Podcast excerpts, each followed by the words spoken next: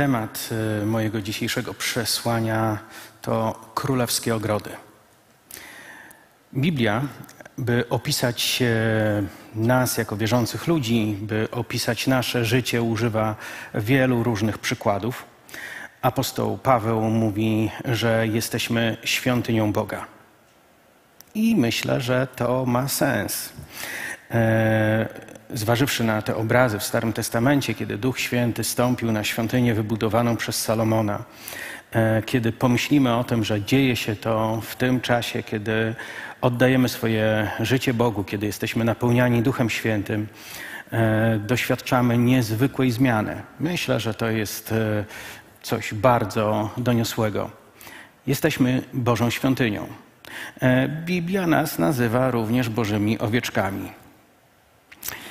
E, jeśli jesteśmy Bożymi owieczkami, to z pewnością w e, obrazie stada owiec, w obrazie pasterza e, jest coś, co powinniśmy zrozumieć. Bóg postanowił przemawiać do nas poprzez przykłady, które są dostępne. W tamtym czasie używanie przykładów z rolnictwa było właściwe. Ale e, to, e, jakim przykładem dziś chcę się posłużyć, e, to Boży ogród. Bo każdy z nas jest Bożym ogrodem. I w każdym z nas z pewnością rosną jakieś rzeczy. Być może Ktoś, kto tu dzisiaj przyszedł, ma w sobie narastające poczucie lęku bo jakieś rzeczy nie poszły we właściwym kierunku, więc coraz bardziej się boisz. E, ktoś się martwi, a ktoś być może jest w okresie matur. Są różne rzeczy, które mogą w nas być. E, może w nas być bardzo autentyczna i głęboka miłość w stosunku do Boga możemy być niesamowicie podekscytowani swoim nowym życiem, które rozpoczęliśmy z Nim. Możemy być pełni zachwytu. Coś w nas jest. Z pewnością każdy z nas, gdyby dobrze zastanowił się nad e, tym, co dominuje w naszej duszy w ostatnim okresie czy dzisiejszego dnia, to potrafilibyśmy takie rzeczy nazwać. E, nie jesteśmy puści, Podobno jest jakaś e, znacząca różnica między kobietami, a mężczyznami. Jedna z najbardziej niewykonalnych rzeczy, którą można powiedzieć kobiecie, to nie myśl teraz o niczym.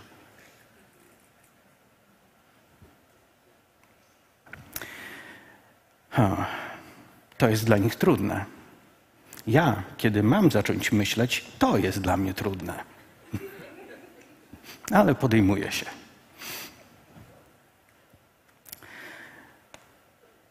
nosimy coś w środku. Coś jest w naszym ogrodzie. E, Biblia w Ewangelii Łukasza w ósmym rozdziale jest e, tam przypowieść o siewcy. W owej przypowieści o siewcy jest przedstawione cztery, e, są przedstawione cztery rodzaje gleby. I kiedy Jezus wyjaśnia sens przypowieści o siewcy, E, to daje nam do zrozumienia, że ziarnem jest Boże Słowo. A te cztery rodzaje gleby to cztery różne postawy ludzkie, cztery różne e, reakcje na to, w jaki sposób reagujemy na Boże Słowo. To Słowo ma taką samą wartość. Te słowo, tak jak ziarno, zawiera w sobie kod genetyczny, który pozwala wyrosnąć z każdego ziarna e, kolejnej. E, Boże, mój słowa mi zabrakło. E, kolejna gałązka zboża może wyrosnąć z e, każdego pojedynczego ziarna. To może się wydarzyć, bo to jest zapisane w środku. W Bożym Słowie jest moc do przemienienia życia każdego z nas ale ta moc w naszym życiu ujawni się lub nie, w zależności od tego, jakim ogrodem się okażemy. Nie jesteśmy w stanie wpłynąć na to, by Boże Słowo miało większą moc, bo ma wystarczającą w każdym przypadku. Ale jesteśmy w stanie wpłynąć na to, jakim rodzajem gleby będziemy. E, używając tego ogrodniczego podejścia do sprawy, e, myślę, że e, możemy zastanowić się nad tym, co decyduje o tym, że niektóre z tych rzuconych ziaren wydały plon. Jezus, kiedy komentuje przypowieść o siewcy tam w Ewangelii Łukasza, on mówi, że tymi, którzy wydali plon, są ci, którzy słuchają słowa. To jest etap fizyczny. E, to jest nasz wybór. Czy słuchamy, czy chłoniemy, e, czy wchodzimy w strefę słowa. Mi podoba się pewne powiedzenie anonimowych alkoholików. Zawsze, kiedy człowiek chce ominąć jakieś spotkanie, to może wytłumaczyć się swoim zniechęceniem, odrętwieniem psychicznym i tym, że i tak nie będzie miał z tego żadnego pożytku, bo jest w takim stanie, że nawet jeśli tam się zjawi, to niewiele to zmieni. Anonimowi alkoholicy mają takie powiedzenie: przynieś swoje ciało, rozum przyjdzie później. To jest wybór. Możemy się nauczyć pewnych rzeczy unikać i mnożyć usprawiedliwienia, dlaczego ich unikamy, albo możemy też zdecydować o tym, że będziemy w pewnych sprawach zdyscyplinowani. E, ja mam taki nawyk, jeśli chodzi o słuchanie słowa. Wiele lat temu zrozumiałem, że e, metody, które stosuję do e, uniknięcia zasypiania w samochodzie, nie są najlepsze. E, szukałem jakiejś muzyki, która by podtrzymywała moją świadomość po właściwej stronie mocy. Zacząłem słuchać muzyki z okresu, jak byłem nastolatkiem. Nie dało się przy tym jeździć, naprawdę. Później zacząłem szukać jakiejś muzyki, która by mi w tym pomogła. To, co znalazłem, było dosyć wstydliwe i ciężko było się przyznać znajomym, że słucham tego w samochodzie. Sam się dziwiłem, że mi się to podoba. Ale w którymś momencie zrozumiałem, że spędzam w samochodzie tak duże ilości czasu, że mogę ten czas oddać Bogu. Postanowiłem słuchać. Postanowiłem, że przynajmniej 90% tego, co słucham w samochodzie, to będzie Boże Słowo w różnych przekładach. Przebrnąłem przez Biblię w tylu y, wersjach i y, tylu przekładach, że trudno jest mi to w ogóle y, spamiętać. Ale bywały takie lata, i nie mówię tego, żeby się popisać, ale żeby zachęcić. Bywały takie lata, że w samym samochodzie przesłuchiwałem 15 razy Nowy Testament i 6 razy Stary w ciągu jednego roku. To pokazuje, że naprawdę dużo czasu spędzamy w samochodach, przynajmniej niektórzy z nas. Jeśli oddalibyśmy ten czas Bogu, e, to może słuchanie Biblii w samochodzie nie jest najwznioślejszym sposobem na poznawanie słowa. Ale jeśli mamy wybór, dać ten czas Bogu albo dać ten czas e, jakiejś gwieź, gwieździe popa, nie mówię o duchownym prawosławnym, to może okazać się, że jednak ten czas coś w nas zasiał. Dokonujemy wyborów. Możemy spędzać czas e, karmiąc swoje wnętrze Bożym Słowem, ale możemy też e, znaleźć wytłumaczenie. Ja myślę, że człowiek, który osiąga Boże cele, to jest ktoś, kto uczy się działać wbrew sobie wbrew własnym humorom, nastrojom i okolicznościom. Jeśli będziemy działać zawsze w zgodzie z okolicznościami, zawsze one poprowadzą nas w złym kierunku. E, I to jest ważne, czym obsiewamy swój ogród. Ważne jest też to, by pamiętać, że nasze wnętrza naprawdę zachowują się jak ogród. Czy ktoś z obecnych kiedykolwiek fatygował się, żeby posadzić sobie chwasty? Naprawdę? Sadziła pani chwasty specjalnie w swoim ogrodzie? Tego raczej nie robimy. Problem między chwastami a pożądanymi przez nas e, roślinami jest taki, że o chwasty nigdy nie trzeba dbać. Nigdy nie trzeba ich sadzić. One zawsze przyjdą z pomocą chętnie same. Chwasty mają tą tendencję, że się nam narzucają. Chwasty mają tą tendencję, że trudno jest się e, ich pozbyć, jeśli podejdziemy do nich e, tak, jak niektórzy podchodzą do dziury w zębie. Kiedyś się zagoi. Wiemy, że dziura w zębie tego nie zrobi i chwasty też tego nie zrobią. One kiedyś się nie znudzą. Świat, w którym żyjemy, inspiruje nas do wielu lęków. Świat, w którym żyjemy, może nas inspirować do zazdrości, zawiści. Świat, w którym żyjemy, może inspirować nas wielokrotnie do wściekłości. Świat, w którym żyjemy, on próbuje zagrać na pewnych stronach w naszej duszy. Jest to naszym wyborem, czy temu się poddamy, czy też nie. To my decydujemy, czy pozwolimy, by nasza dusza była wypełniona zmartwieniem. To jest jeden z bardzo niepokojących wersetów, szczególnie dla kobiet. Tam jest napisane: O nic się już nie martwcie. Nieraz znajdowałem się w takiej sytuacji, gdzie pewna niewiasta miała do mnie pretensje, że się nie martwię. Podejrzewam, że są tu obecni ludzie, którzy znaleźli się w podobnej sytuacji. Biblia nie mówi, żebyśmy byli ignorantami, ale mówi, żebyśmy się nie martwili. Zmartwienie nie przynosi żadnego pożytku. Lęk nigdy nie mówi nam prawdy.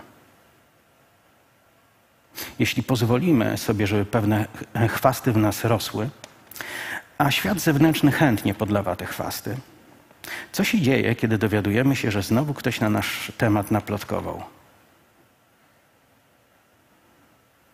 Zaczynają pojawiać się różne myśli. E, zdarza się, że chcemy się odegrać. Wchodzimy w grę, która nie została zaplanowana przez Boga.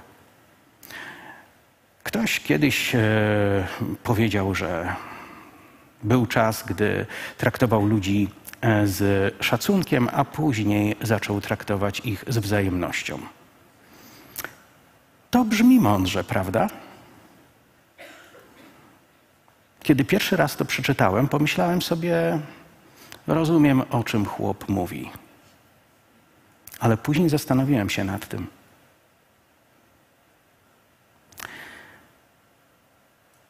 I pomyślałem, że to jest e, zniżanie się do tego poziomu, który nam się nie podoba. Jeśli zaczniemy e, traktować ludzi równie źle, jak przez nich jesteśmy traktowani, co spowodujemy? Czy problem się rozwiąże, czy pogłębi? E, co stanie się z naszym wnętrzem? W którymś momencie doszłem do wniosku, że wolę być pozytywnym idiotą. Wolę e, mieć pretensje do siebie za to, że traktuję ludzi lepiej niż na to zasługują, niż mieć do siebie pretensje za to, że traktuję ich gorzej niż na to zasługują. Bo chcę, by Bóg czuł się dobrze w moim wnętrzu. To ja tam hoduję i podlewam pewne chwasty to ja tam hoduję i podlewam pewne rośliny, które podobają się Bogu. Przez cały czas to jest naszym wyborem. Przez cały czas to my e, troszczymy się o ten ogród, który Bóg powierzył nam pod opiekę. I przez cały czas to my powinniśmy dbać, by ten ogród był pod naszą kontrolą.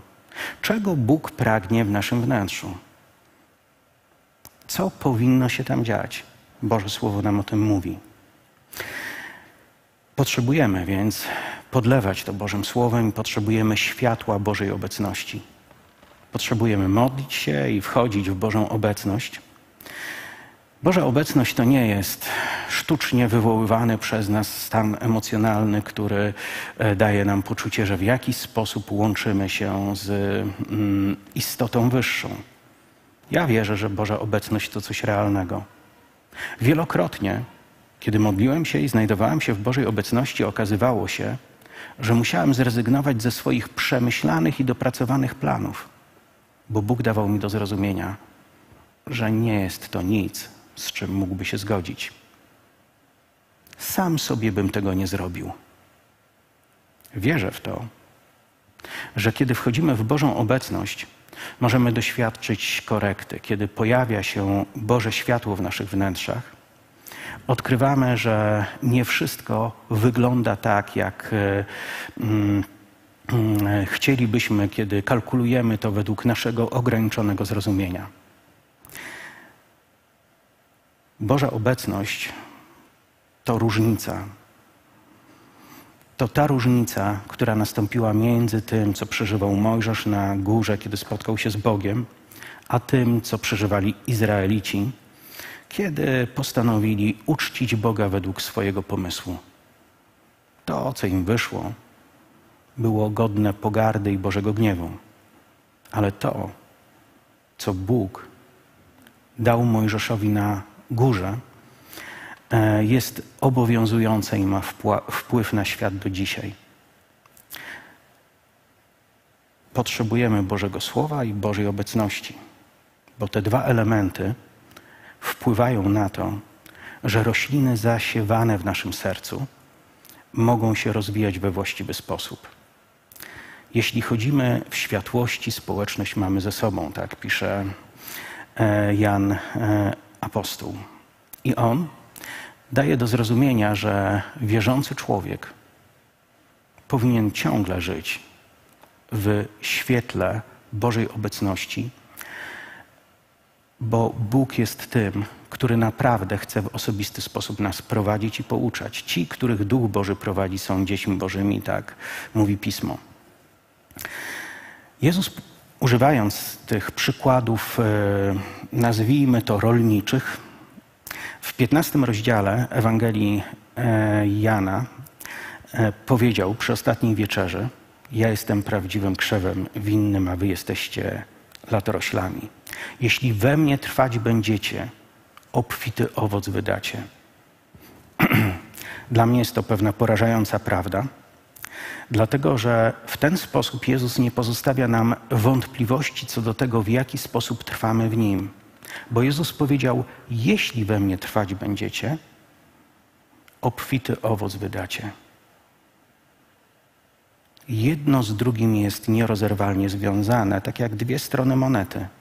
Nie można wybrać jednej, a drugą zostawić. Moneta stanowi całość. To, w jaki sposób trwamy w Chrystusie, jest dokładnie wyrażone poprzez owoc, jaki wydajemy. To, jaki owoc wydajemy, jest opowieścią o tym, w jaki sposób trwamy w Chrystusie. Nasze życie z Bogiem to bycie Bożą uprawą, to bycie Bożym ogrodem. Nasze życie z Bogiem to więź, która coś rodzi. To więź, która nie może pozostać bezpłodna, która nie może pozostać e, bezowocna. To więź, która będzie miała wpływ na jakość naszej duszy, na to, w jaki sposób będziemy zachowywali się w stosunku do innych, na to, jakie będziemy dokonywali wybory, na to, co pozostawimy po sobie jako ślad e, naszej obecności w tym świecie. Jeśli we mnie trwać będziecie, obfity owoc wydacie. To jest naprawdę niesamowite. I nieraz myślę o tym, że to jest e, mm, pewien test, to jest pewien filtr, poprzez który powinniśmy patrzeć na swoje osobiste życie. Moje trwanie w Chrystusie jest wyrażone przez mój owoc. E, żyjąc w świecie, w którym żyjemy, możemy mieć e, bardzo wiele rzeczy łatwo zadeklarowanych i niekoniecznie musi temu towarzyszyć e, rzeczywistość. E, żyjąc w tym świecie, można zetknąć się z ludźmi, którzy deklarują przynależność do różnych ideologii. Po chwili okazuje się, że w ogóle nie wiedzą, o czym mówią. E, myślę, że większość chrześcijan, gdyby została zapytana, czy jesteś materialistą, odpowiedziałaby zdecydowanie nie ale po zadaniu całej serii dodatkowych pytań okazałoby się, że osoba, która mówi, że nie jest materialistą, e, rzeczywiście ma bardzo mocno ugruntowany pogląd materialistyczny. Żyjemy w świecie, w którym pewne rzeczy łatwo jest zadeklarować, ale później, kiedy się temu przyglądamy, e, to okazuje się, że deklaracje często odstają od rzeczywistości. I dlatego chciałbym poświęcić parę minut na tą najważniejszą rzecz, najważniejszą roślinę, najważniejszy kwiat, który Bóg chciałby wyhodować w ogrodzie każdego z nas. Jako dziecko, przynależąc e, wówczas jeszcze do dosyć dużego kościoła w Polsce, e, na pamięć nauczyłem się wypowiadać automatycznie coś, co było zwane najważniejszym przykazaniem. Nie było złą rzeczą to, że nauczyłem się tego na pamięć, to było właściwe przekazanie. E, może mój automatyzm nie był najlepszy, ale jako dziecko potrafiłem to wyrecytować. Będziesz kochał Boga swego. Wszyscy to potrafiliśmy wyrecytować. Kiedy lata później nawróciłem się i zacząłem myśleć na temat miłości, której Bóg ode mnie oczekuje, a teksty mówiące o tym były bardzo bezkompromisowe, to wzbudziło moje obawy. Pomyślałem sobie, na czym polega moja miłość do Boga. Hmm. Byli ludzie, za którymi tęskniłem. Jeśli ich nie widziałem, to odczuwałem tęsknotę. Byli ludzie, dla których byłbym gotów zrobić wszystko. E, byli ludzie, których obecnością się cieszyłem. Ale kiedy zastanawiałem się nad Bogiem, to mogłem szczerze powiedzieć, że jestem mu niesamowicie wdzięczny za wszystko to, co dla mnie zrobił. Mogłem szczerze powiedzieć, że jestem gotów mu służyć i robić rzeczy, które będą odzwierciedleniem jego woli. Ale jeśli by ktoś mnie zapytał, czy Bóg jest największą miłością Twojego życia, tak jak się tego od Ciebie domaga, to któregoś dnia zupełnie szczerze, sam przed sobą musiałem powiedzieć nie. Ja wiem, że powinienem kochać Boga. I umiem to zadeklarować tak, jak wtedy w tym dziecięcym powtarzaniu najważniejszego przykazania. Ale we mnie nie ma miłości do Niego. Nie tęsknię za Nim. Nie marzę. Nie ma niczego, co byłoby odzwierciedleniem choćby ziemskiej miłości człowieka do człowieka, a co dopiero miłości, która przewyższa ten rodzaj miłości, jaki możemy mieć między ludźmi. Wiedziałem, że to jest źle, ale postanowiłem być szczery wobec siebie i postanowiłem, że nie będę siebie w tej sprawie okłamywał. Co się dzieje w momencie, kiedy odkrywamy, że jest z nami coś nie tak? Myślę, że podstawową reakcją, niestety, tacy już jesteśmy, jest udawanie, że jednak wszystko jest w porządku. Kto tak ma? nie, nie, nikt nie musi podnosić rąk. Ale tak często jest, że kiedy odkrywamy, że jest coś z nami nie tak, to bardziej uczymy się udawać, że wszystko jest w porządku, niż załatwiać problem. Wiedziałem, że w tej sprawie tak nie mogę zrobić. Podjąłem mocną męską decyzję. Postanowiłem, że zajmę się tematem miłości do Boga, jaką powinienem mieć, zacznę to rozwijać i coś z tym zrobię. Niestety, ale znałem już wtedy bardzo dobrze trzynasty rozdział pierwszego listu do Koryntian i wiedziałem, że nie da się miłości zastąpić działactwem. Choćbym mienie swoje rozdał ubogim, choćbym ciało swoje wydał na spalenie, a miłości bym nie miał. Ten fragment pisma jest dosyć nokautujący, bo bardzo często odkrywamy w nim, że rzeczy, którymi chcemy zastąpić miłość do Boga, one zostały już konkretnie nazwane. Nasza, nasze działactwo, nasza ofiarność nie zastąpi prawdziwej miłości, a ten fragment Bożego Słowa mówi, że możemy robić bardzo wiele bez miłości. Hmm. Podjąłem naprawdę poważną decyzję. Stwierdziłem, że pierwsze słowa, jakie będą wychodzić z moich ust, kiedy się będę budził rano, to będę mówił: Boże, kocham Cię. Następnego dnia to miało miejsce. Obudziłem się i powiedziałem: Boże, kocham Cię. Tak to mniej więcej brzmiało. Przez kolejne dni wyglądało to tak samo. Ale postanowiłem i trzymałem się tego. Mijały tygodnie, miesiące.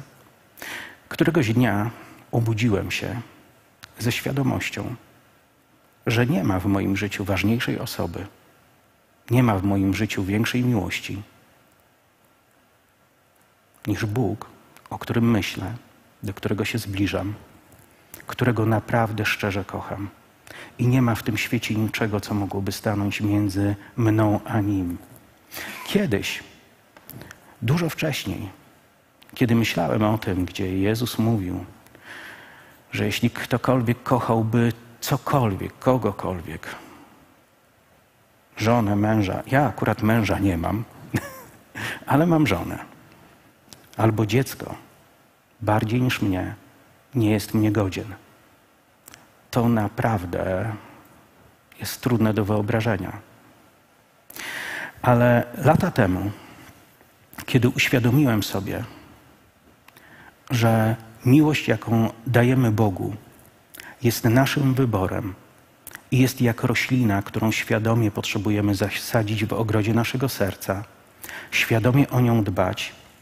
Bóg nigdy nie będzie się nam narzucał, ani nigdy nas nie będzie manipulował w tym kierunku, abyśmy go pokochali.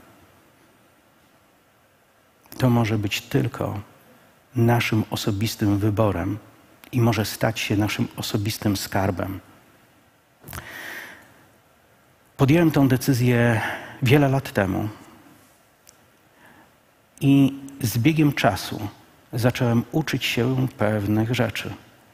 Zacząłem uczyć się, jak ekscytować się tym wszystkim, kim jest Bóg, jak go podziwiać, jak żyć w stałym zachwycie, jak żyć ciągle ekscytując się tą prawdą, że ja jestem kochany przez Boga. Dzisiaj rozumiem, o co chodziło apostołowi Pawłowi, kiedy w liście do Galacjan mówił, że biada mi, jeśli chlubiłbym się z czegokolwiek innego niż z krzyża Chrystusa. Ten apostoł Paweł, który jeśli by chciał opowiadać o swoim męczeństwie, wyczynach, poświęceniu, miałby o czym mówić. Ten apostoł Paweł, który gdyby chciał mówić o swoich sukcesach, o kościołach, które założył, o cudach, które się wydarzyły, o potężnej Bożej manifestacji, która przyszła na świat w nim. Ten apostoł Paweł powiedział: W moim życiu nie wydarzyło się nic bardziej doniosłego, nic bardziej znaczącego, nic bardziej przyciągającego moją uwagę, jak fakt, że Jezus postanowił umrzeć z mego powodu. Dla Niego byłem warty takiej ofiary, dla Niego byłem warty takiej miłości. Nic nie jest w stanie tego przyćmić. On jest w centrum. W pewnym momencie zrozumiałem, że to nie świat zewnętrzny powinien decydować o tym, co czuję, co myślę, nie okoliczności, e, nie wpływ kultury, ale to ja jako Boże dziecko muszę spojrzeć na swoje wnętrze jako na ogród, który należy do Boga.